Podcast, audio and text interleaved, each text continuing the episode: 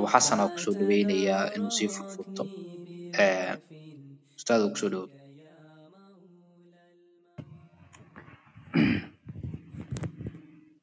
alxamdulilah rab اlcaalamiin wsalaatu wasalaamu ala sayidi اlmursaliin wala aalihi wasaxbihi ajmaciin. Asalaamu calaykum wraxmat ullah barakaatu akhyaarta dhammaantiinba waa idin salaamayaa ka soo qayb gashay maxay haydey barnaamijka? Horta codkaygu caad ah. Ah, si fiican ustaado waa lagu eh, maasha allah sax. Kulley barnaamijkii aynuu balansanayn baynu iska bilaaban doonaa caawa. Waxaan rajeynayaa caawa inuu noqdo maxay ahayday hordhacii ama maxay ahayday falle guuduun. Wixii intaa ka dambeeyana waxaynu gudageli doonaa insha allahu mowduuca sulbigiisii iyo maxay ahayday maqsadkiisii waxaan ugu talagalnay barnaamijku inuu noqdo hadduu ugu bato laba saacadood. Eh, saacada maxay ahaydey soo jeedina oo barnaamijkan soo jeedino iyo saacad ka dambeyso ah maxay ahaydey falanqeyn la falanqeynayo eh, qodobadii markaa laga hadlay uun. Iyo haddii markaa maxay ahaydey dadkii ciddii su'aal qabta ama muslimiin ha ahaadaan ama gaala ha ahaadaane ciddii markaa maxay ahaydey iyaduna su'aal qabta inay markaa ay soo gudbin karaan waxaanu ku saabsan yahay markaa maxay ahaydey xujooyinka iyo adilada lagu caddaynayo jiritaanka ilaahay. Iyo in laga jawaabo shubahaadka markaa kuwa muwaxidiintu iyaguna ay deliishadaan cilmiguna waa labadaasoo de in masalada daliilkeediina aad keento wixii ictiraad iyo shubhe lagu keena aad ka jawaabto.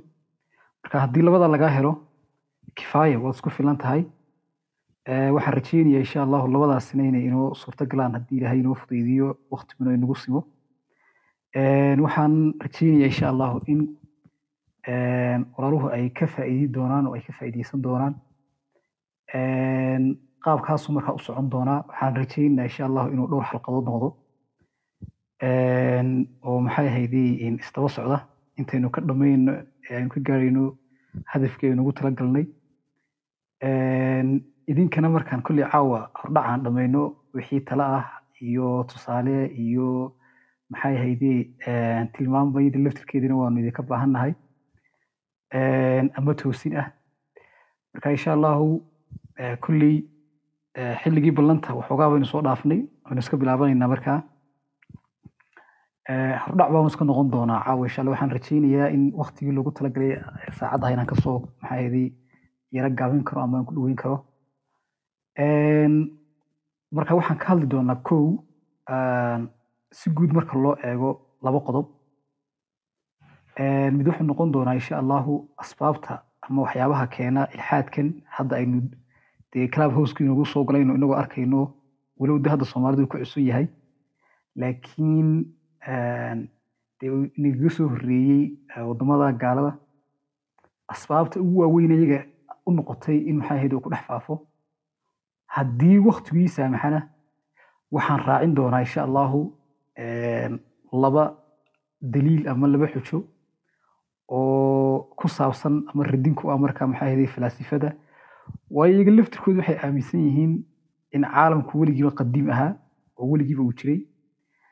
Een, markaa si iyaga laftirkooda aynu uga nasanno oo wixii hadda ka dambeeya aynu u bilowno uun ilxaadka iyo hawshiisa. Haddii waqtigu inoo saamaxo waxaan rajeynayaa labadaa inaan ku darno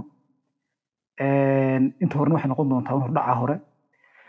Marka waynu iska bilaabanaynaa ilxaad ereygan horta waa erey carabi ah. Innaga marka laynoo eego luqadda aynu u isticmaalno. Ingiriisina waa atheist. Marka marka innaga taa luqadda carbeed laga hadlo xagga luqadda carbeed almayl baa la dhahaa leexasho.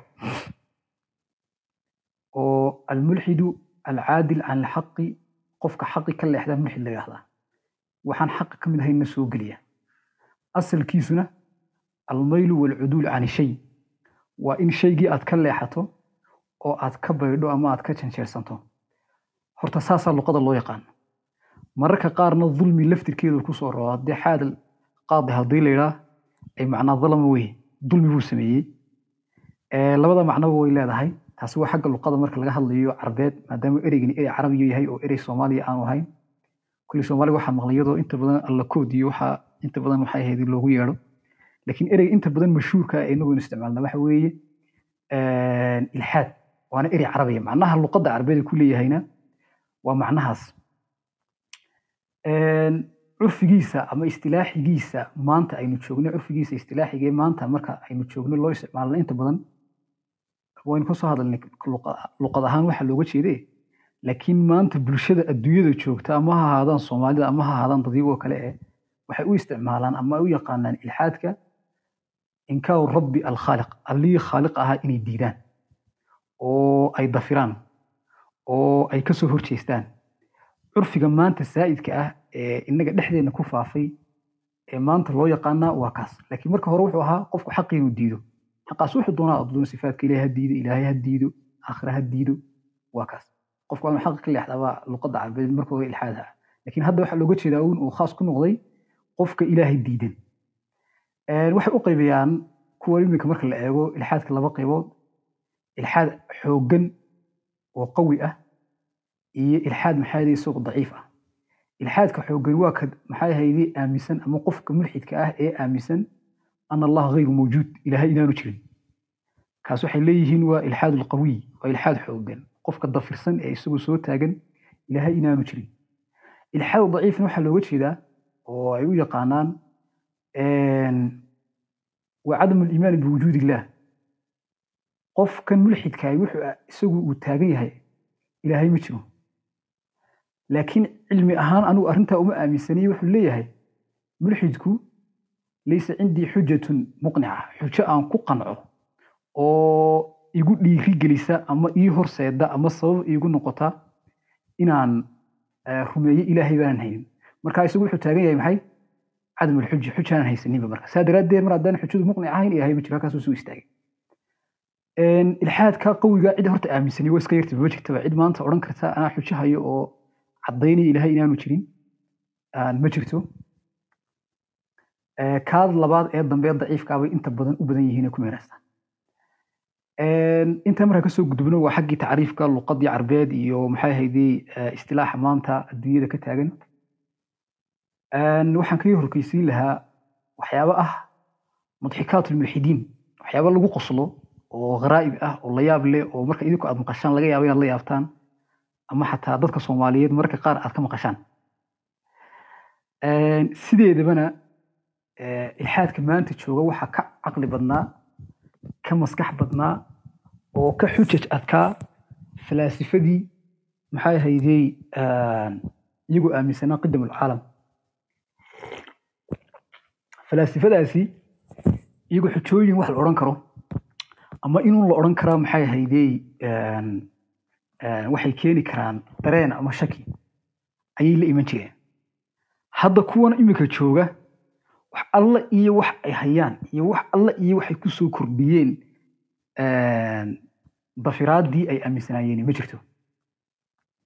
Waxyaabaha la yaab kale ead arkaysa waxaa ka mid ah iyagu ay isweydiiyaan.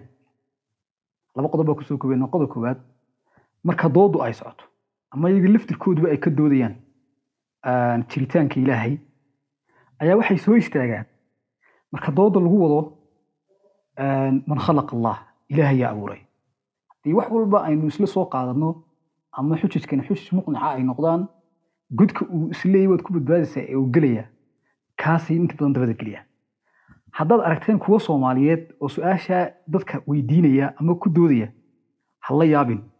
Waxaanad kula yaabayn waxa weeye mulxidiinta maanta ugu waaweyn casrigan ayaa su'aashaa sakhiifka ahee maxay hayday aan xataa maanka bini aadanka aan geli karin la imaada.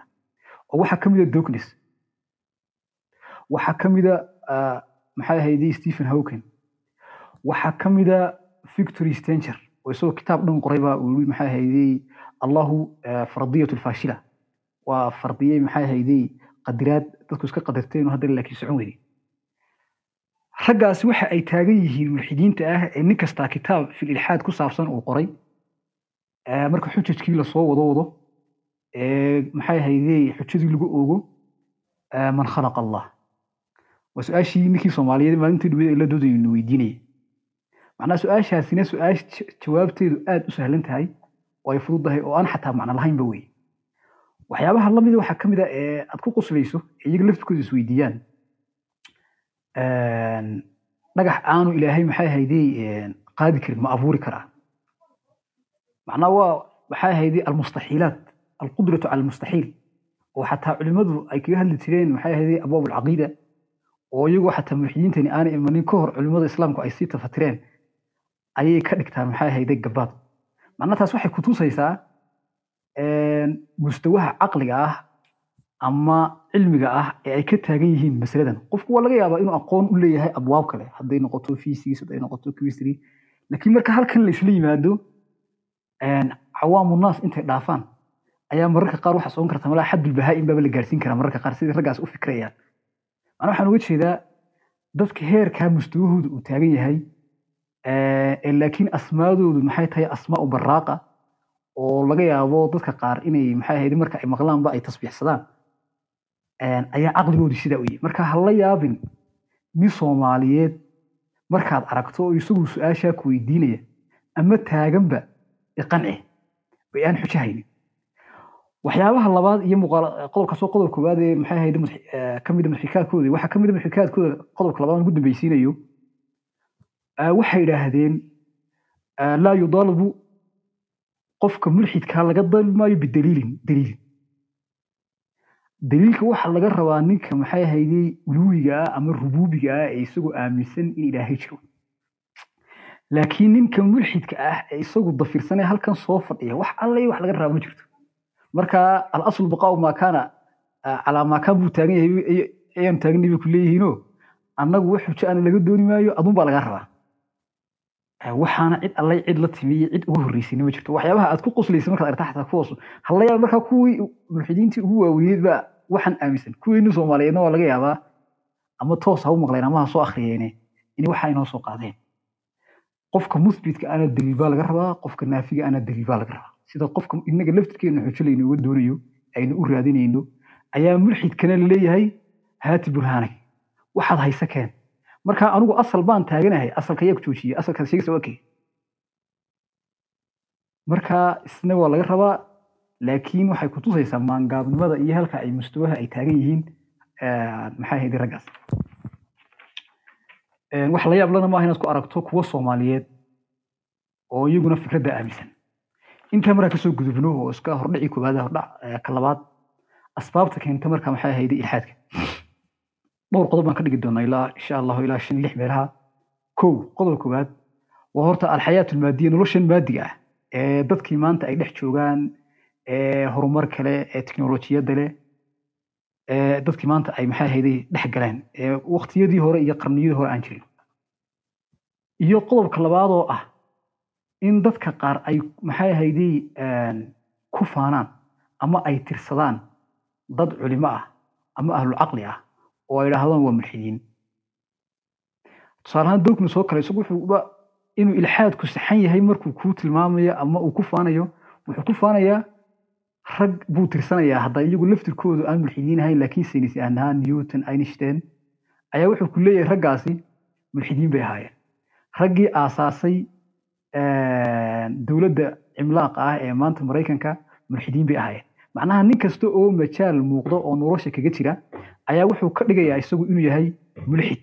Sidaas daraaddeed mar haddii dadkii ahlulqiyaada walcaqli ay ahaayeen ay mulxidiin yihiin taas waxay kutusaysaa in ilxaadku uu saxan yahay. Qodobkaas waa qodob ku dooday.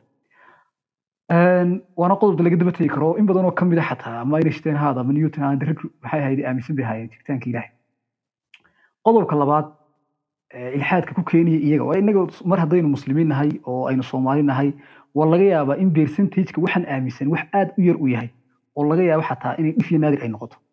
Laakiin dadkii waxaan uu baabiyey ee inagana uu inaga soo galay ayaa asbaabtoodii aynu tilmaamaynaa. Si markaa aynu aragno waaqaca iyo maxay haydey iyagu itijaaha ay taagnaayeen ay ku jireen. Markaa si bal iyo waaqacooda iyo waaqicayna markaa isku bardhigi karayno. Qodobka labaad waa atanaaqud shadiid waa tanaaqudka u dhexeeya maxay ahayd dacwadaha diinta iyagu ay sheeganayeen iyo cilmiga tajriibiga. Macnaha diinta kiristanka waxaa ku jira waxyaaba ay leeyihiin waa maxay ahayd cilmigii bay khilaafsantay oo ay ka hor imaansan dabcan way ku dhex jirtaa. Diinta kristanka maadaama diin la bedelay oo muxaraf ah oo intaasoo sannadood maxay ahaydey kulba laga daba tegayo la bedelay ay ahayd. Wax badan baa jiray oo markaa akhda ah marka akhdaadii waxay ka hor yimaadeen cilmigii tajriibiga ah mar haddaba haddii cilmigii tajribada ay ka hor yimaadeen oo ay noqoto wixii kitaabkaa ku jiray inay baadil noqoto taas waxay sabab u noqotay dad badan inay ilxaadkii aaminaan. Oo dhahdaan haddiiba dee diintii kristanku baadil tahay waxa ku jira waxa uu yahay dee ilaahba ma jiraba. Qodobka saddexaad in badan oo ka mid a culimada kristanka ama maxay ahayde galbeedka ayaa iyaga laftirkooda waxyaabo qaybi ah hadday noqoto aakhiri hadday noqoto maxay ahayde waxyaabo kaloo qaybiyaada. Mujarad alcaqli caqligooday kaga warrami jireen iyagoon haysanin waxay ugu tiirsadaan oo ah ama kitaabkoodii ha keenaan. Ama maxay sanad mutasilaba ha haystaane. In markaa mujarad caqligoodii ay markaa ay ka cabiraan qodobka afraad. Waxaa dhacday in tacasub badan ay sameeyeen culimmadii kristanka ee iyaga laftirkoodu ku howlanaa arrimahan sayniska ama aqoon u lahaa.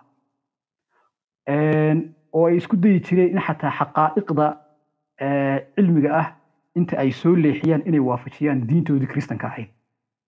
Tusaale ahaan waxaa dhacday in james asher nin la idhaahdo oo markaa isna maxay ahayday ahaa nin xataa inta badan dhiga ama akhriya kitaabkoodii kristanka ayaa waxa uu kitaabkii kristanka ka soo dhex saaray ama nusuus ka mida uu ka soo saaray oo uu yihi kitaabka kristanka wuxuu tilmaamayaa in dhulka la abuuray afar kun iyo afar sannadood ka hor dhalashadii nebi ciise calayhi salaatu wasalaam. Macalinkaas wuxuu taagan yahay in dhulkanba la abuuray oo dhulkan aynu maanta taagannahay la sameeyey afar kun iyo afar sannadood ka hor nebi ciise calayhi salaatu wasalaam dhalashadiisii ka hor. Dee maanta markaynu eegnana qiyaasta lagu qiyaasayo dhulku inuu jiraa waa wax ka badan maxay? Ilaa saddex iyo toban bilyan oo sannadood soo ma? Marka iska hor imaad weyn baa taagan oo diintii kristankana waxaa ku jira dhulkuba waxa uu abuuran yahay nebi ciise hortii afar kun iyo afar boqol oo sannadood iyo labada kun ee ciise ka dambeeyey macnaheedu waa lix kun oo sannadood. Lix kun oo sannadood baa dhulku jiraa. Xaqiiqadii sayniskahayd marka loo yimaadana saddex iyo toban bilyan buu ku leeyahy tanaaqud baa ka yimi markaa iska hor imaad baa ka yimid. Dabeed taas waxay keentay in nufuur laga qaado diintii kristanka oo xaggii ilxaadka markasta loo sii tijeersamo waxyaabaha keena waxaa ka mid ah tanaaqudka weyn ee diinta kristanka ku jira maadaama mar ay leeyihiin ilaahay iyo nebi ciise calayhi salaatu wasalaam iyo ruuxiiba xabad isku ah. Saddexdaas oo wada socda ayaa midh isku ah oo daad arkaysa baadilnimadeeda intay taagan tahay. Qodobka shanaad waxay sameeyeen oo ah qodobka ugu khatarsan qayb ka mida mulxidiinta ayaa waxa ay sameeyeen dariiqo dadka ay ku markaa maxaa khiyaamaynayaan oo ah inay diintii ay dhigaan muqaabilkeeda iyo ka soo horjeedkeeda cilmigii maadiga ah oo qofkii waxay leeyihiin laba kala dooron ama cilmiga diinta dooro ama sayniska dooro. Wax ka dhexeeyaa ma jiraan. Marka waxay ku leeyihiin labadaasi maadaamay iska hor imanayaan oo aan la jamcin karaynin midugo beerka jecel xaydha jecel lagaa yeeli maaye e dhinacun horta u tuko un dhinacun ha lagugu soo haleelo dhinacun ha lagugu yimaado marka diintii waxay ka dhigeen wax ka soo horjeeda oo muqaabil u ah sayniskii marka ama sayniskaad qaadan ama waxaad qaadan doontaa maxay ahaydey waxaad qaadan doontaa diinta. Dabadeed waxa ay idhaahdeen intaa kagama hadhine saynisku wuxuu keenay horumar. Noloshii wuxuu ku keenay natiijo wanaagsan. Wuxuu u keenay midho fiican oo ah ikhtiraacaaadka laga dhaxlay sayniska tiknolojiyadda horumarka maxay ahaydey maadiga aynu arkayno? Diintiina wax alle waxay ummaddii u soo siyaadisay u soo kordhisay. Ma jirto. Marka wuxuu ku leeyay mar haddaynu horumarka iyo barwaaqada iyo tiknolojiyadda aynu ku jirno oo sabab u tahay taana uu sabab u yahay saynisku. Sayniskuna ka soo horjeeda maxay ahaydey diintii labadaas in laba kulmaya aanay ahayn. Labadaa mid u go. Dhinacaasi markaa dad badan ka mid ah ay u duursadeen laakiin xujadaasi waxay macquul noqon lahayd. Haddii cilmiga iyo diintu laba isku iman karaa ama maxay ahayday iswaafaqi karaa aanay ahayn. Laakiin haddii la jamcin karo dee taas munaasib may ahaateen su'aashaasi meesha may timaadeen ama ikhtiyaarkaasi waxaana sidoo kale ay suurtagal noqon lahayd hadalkaa ay keeneen haddii cilmiga maadiga ah ee sayniska ahi uu majaalaadka nolosha oo dhan uu ku filan yahay oo uu kaafinayo laakiin waxaynu ognahay shubhada ay keeneen inaan cilmiga tajriibiga ah ee sayniska ahi aanu kaafinaynin majaalaadka nolosha tusaale ahaan oo kale waxyaabaha ugu waaweyn la isweydiiyo kownkan xaguu ka yimi maxaa laynoo abuuray nolosha kadib xaggee loo socdaa waa su'aalo aan saynisku ka jawaabi karin. Marka mar haddii lagu kaaftoomi kara sayniskii oo saynisku iyo wax nolosha oo dhan ka faynaya su'aasha inay meesha mar ay keenaan bahayd laakiin haddii aan sayniskii kafaynaynin noloshii oo dhan noloshii oo dhan dalabaadkeydii aanu ka jawaabaynin macquul may noqoteen. Oo dee maanta ka jawaabi maayo akhlaaqdii saynisku oo aakhire ka jawaabi maayo oo abuurkii adduun ka jawaabi maayo oo bini aadanka waxa laga raba ee loo abuuray ka jawaabi maayo. Halka ciribtooda ay ku dambaynaysay ee ay tegayaanna ka jawaabi maayo. Taas waa qodob. Qodobka labaad ee toodaa burinaysa waxa weeye macaarifta iyo cilmigu khaas kuma aha maxay ahaydii tajribada iyo saynisku ka yaata cilmigu intooda ka ballaanaya waxaa jira cilmi keliyaata isagoo ku yimaada riwaayo iyo werin in wax laguu sheego. Maanta in hebel dhintay ama hebel hebel inuu dhalay ama waddankaasi inuu xornimada xilligaa qaatay. Tajribad ku keenaysa ma jirto. Soomaaliya in xornimo qaadatay waa khabar un in laguu sheego un wax ka dhexeeya ma jiro waxaa jira cilmi isaga laftirkiisu caqli un lagu soo saari karo. Un oo aan maxaa ahayd xisi aan lagu keenayn waxaa jira cilmi isagu aan la helayninba ilaa can dariiqi rusul. Rusushu warka ay kuu sheegeen mooyaane dariiq kale oo lagu heli karaa ma jirto. Tusaale ahaan sifaadka ilaahay subxaanahu watacaala aakhiro inay maxaa ahaydey maxsharka iyo awsaaftiisa iyo qiyaamaha iyo waxa la mudanayo iyo janno iyo naar iyo asbaabta lagu gelayo iyo waxa lagaga badbaadayo waxaas oo dhanba waa wax ku xidhan maxay ahaydey cilmu lambiyaa in rusuli ay kuu sheegto ay kuu keento. Oo aan tajribe iyo saynis laga yaab inaanad ku gaadhaynin sideedabana dee rususha cidi kama maaranto oo dadka xataa iskaba dhaaf waxyaabaha caqliga lagu garanaya ee xumaanta iyo wanaagga ah waxyaabaha xataa caqliga lagu garanaya tafaasiishooda caqligu ma wada koobsan karo ma keeni karo. Idinku maanta waydankaa arkaya in dad badanoo ka midii ay ogol yihiin ama ay fasaxeen ama ay xalaaleeyeen qowmuluudkii khamrigii zinadii hadday doonaan qaar daraagiskii inuu qofku xataa naftiisa uu dili karo hadda waxa iyadoo ay og yihiin bayna xun tahay oo macnaha ay madarro ay leedahay oo manfaco aan lahayn ayaa haddana iyagoo u jeeda ay samaynayaan taas waa qodobkaas marka sidaas daraaddeed cilmiga saynisku ma keensanayo ama ma kaafi yeelayo waxaynu u baahan nahay waxaa ka mid a tadhiiru nufuus walquluub cilmiga lagu daahiriyo nafta iyo qalbiga in qofku qalbigiisu nadiif uu noqdo oo maxay ahayday adraan almacsiya washirki uu ka maydho walaa saynis baad sheegaysaa walaa tajribaad sheegaysaa laguma keeni karo waxa keliya ee lagu keeni karaa waxa weeye waxa weeye waa cilmigii rususha oo nebiga calayhi salaatu wasalaam cibaadaadkii waajibaadkii manduubaadkii waxyaabaha rusushu ayna amreen iyo sharaa'icdaas unba arrintaa lagu gaari karaa. Maanta waxa ugu weyne qofka laga joojinaya waa xumaan iyo dembi. Hab noqoto been inuu sheego xan had noqoto inuu cid dilo inuu khiyaameeyo inuu musuq sameeyo. Marka damiirka ilaahay uu ku abuuray laga yimaado waxa ugu weyne ku saacidaya ku dhiiri gelinaya waa qawaaniintii iyo cibaadaadkii ilaahay uu dejiyey subxaana wa tacaala bini aadanka ina salaata tanhaa can alfaxshaa'i walmunkar wala dikrullahi akbar. Salaadu waa waxyaabaha ugu waaweyn ee qofka ka joojinaya xumaantii ama maxaa ahayde dunuubtii ama waxyaabihii kale. Lagama yaabo in arrintaas saynis halkaa salaada uu buuxiyo galo. Marka waxaan uga jeednaa diinta iyo sayniska iska hor iman maayaan. Sayniskiina majaalaadka nolosha iyo baahiyaha aynu baahannahay oo dhan ma buuxinayo. Sidaas daraaddeed labadiiba waa la isku garab wadaya oo inagu waxaan leenahay diinteenni islaamkuna ka hor iman mayso sayniskii. Sayniskuna ka hor iman maayo diinteenni maxay ahayday islaamka labadiiba waa la isku garab wadi karaa. Sayniskuna adduunyadeenni buu maxay ahayday wax badan oo ka mida inoo kafaynaya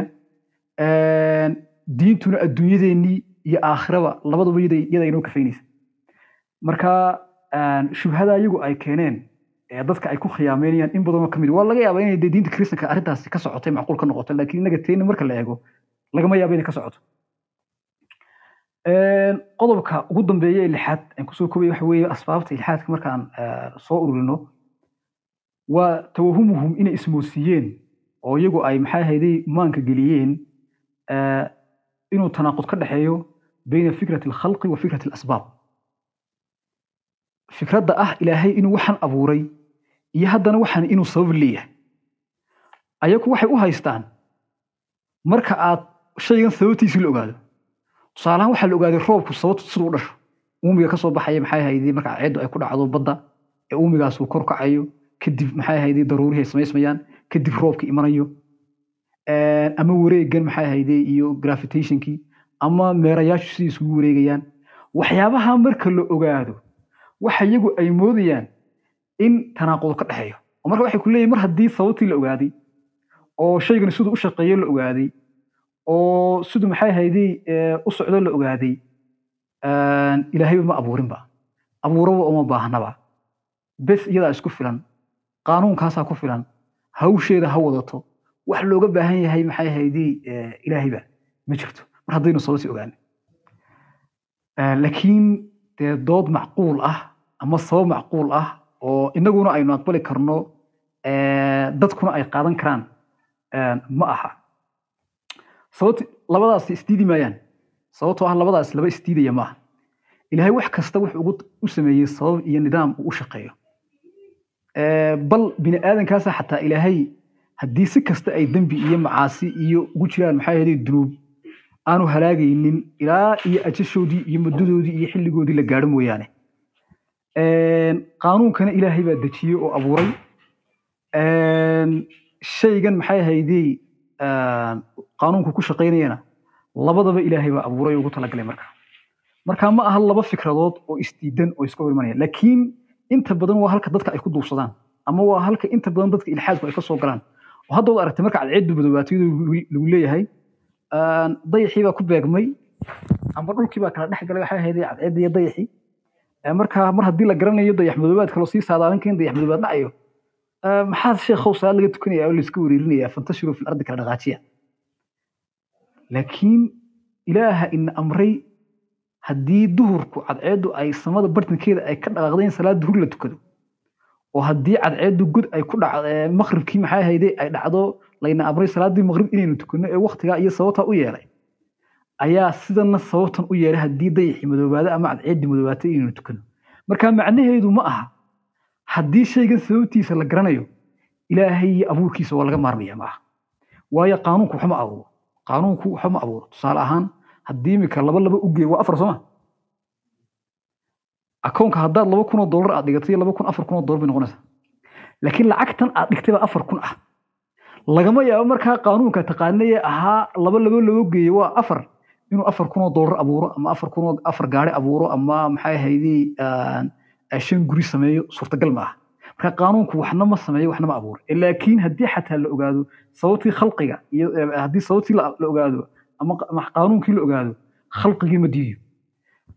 Waxaana taa kugu dilila marka tusaalayaasha aynu keenay laga yimaada nabiga calayhi salaatu wasalaam ayaa waxaa la weydiiyaa la yidhi ka warran ruqyadan ara'ayta adwiyata allatii ka warran dawooyinkan natadaawa biha waruqaa nastarqi biha ruqyooyinkan iyo dawooyinkan aan isku duweynayno bal ka warran.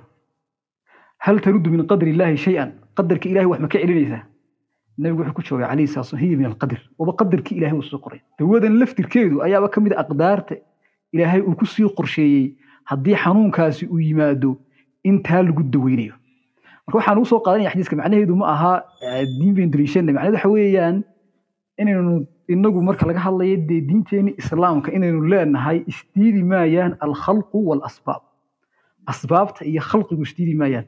Shaygu isagoo sababtu u shaqeeya iyo sababtu iyo qaanuun ku shaqeeyo la ogyahay oo la garanayo ayaa haddana uu jiraa ilaah abuuray oo aanu ka maarmi karayn waanu ka hadli doonaa bal shayga adduunyada yaaliya adduunyada laftirkeedu inay ka maarmi karto ilaahay iyo inaanay ka maarmi karaynin iyo qaanuunkeeda iyo howlaheeda laakiin waxaan uga jeednaa maadaama hadda aan taagannahay asbaabta ilxaad keena iyo waxyaabaha qofka lagu duursado weliba dadka waxaan uu ka dhex taagan yahay marka iyagu waxay ay qodobeeyeen laga hadlo qodobadaas weeye marka. Marka isdiidi maayaan khalqigii iyo maxay ahaydey isdiidi maayaan maxay ahaydey iyo asbaabtii in la ogaado. Tusaale waxaa kugu filan hadda waxaan ognahay bini aadamku siday u tarmaan. Waa dee lamaanaha hooye iyo aabba ah suurtagal ma aha marka inaad tidhahdo mar haddii la ogyahay bini aadamku siday u tarmaan ilaahba ma jiraba oo waa laga maarmay maxaa ba laynaga rabaa laynaga doonaya cid kaa yeelaysa oo kaa aqbalaysaana ma jirto. Sababtuna waxa ay tahay cidda qaanuunkan u dejisay xataa qaanuunkan meel aanu ka shaqayna ma jirta. Haddii aabbo keliya la helo dee carruur la heli maayo. Hooyo keliya haddii la helana carruur la heli maayo. Qaanuunka laftirkiisaba maxay ah? Mid maxay ahaydey ka shaqaynaya uun meel khaas ah aan meel walba xataa ama isagoo qudro uu meel walba ku tegi kara aan lahayn. Marka isdiidi maayaan baan leenahay inagu fikradda ah abuurka iyo fikradda ah asbaabtu. Laakiin dadka qaar waa laga yaabaa in lagu duursado in badanna waad aragteen baan filaya mulxiyiinta soomaalida iyaga oo kule waxaa waa la ogaaday iyo siduu u la garanayaa. Waa halka ka timi halkaas. Intaa markaan ka soo gudubno haddii hal qodob aan ku dari karayno kule waxaan filayaa maadaama iska muqadime tahay. Hal qodob markaan ku dari lahayn oo ah maadaama dad badan aaminsan yihiin qidamul caalam marka laga yimaado mulxidiinta waxa aaminsani waa falaasifada. Falaasifadu marka kuwaasaynu ku soo koobaynaa falaasifadu waxay ku leeyihiin way aaminsan horta ilahay inuu jiro oo asaanic alkhaaliq inuu jiro iyagu ma diidanaa way aaminsan yihiin.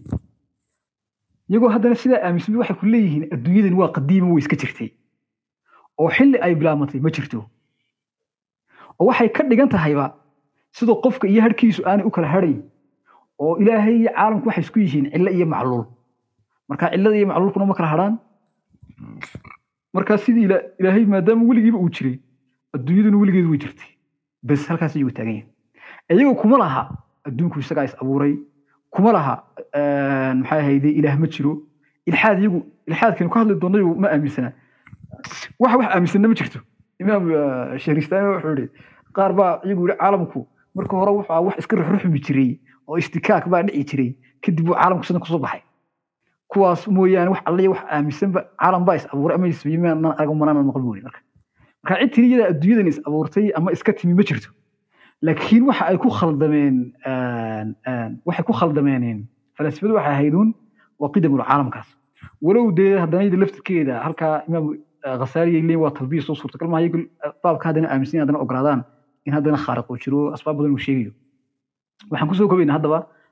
oo iyaga markaa